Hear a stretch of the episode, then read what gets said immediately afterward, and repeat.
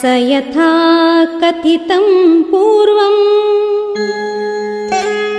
नारदेन महर्षिणा रघुवंशस्य चरितम्। चकार भगवान् ऋषिः।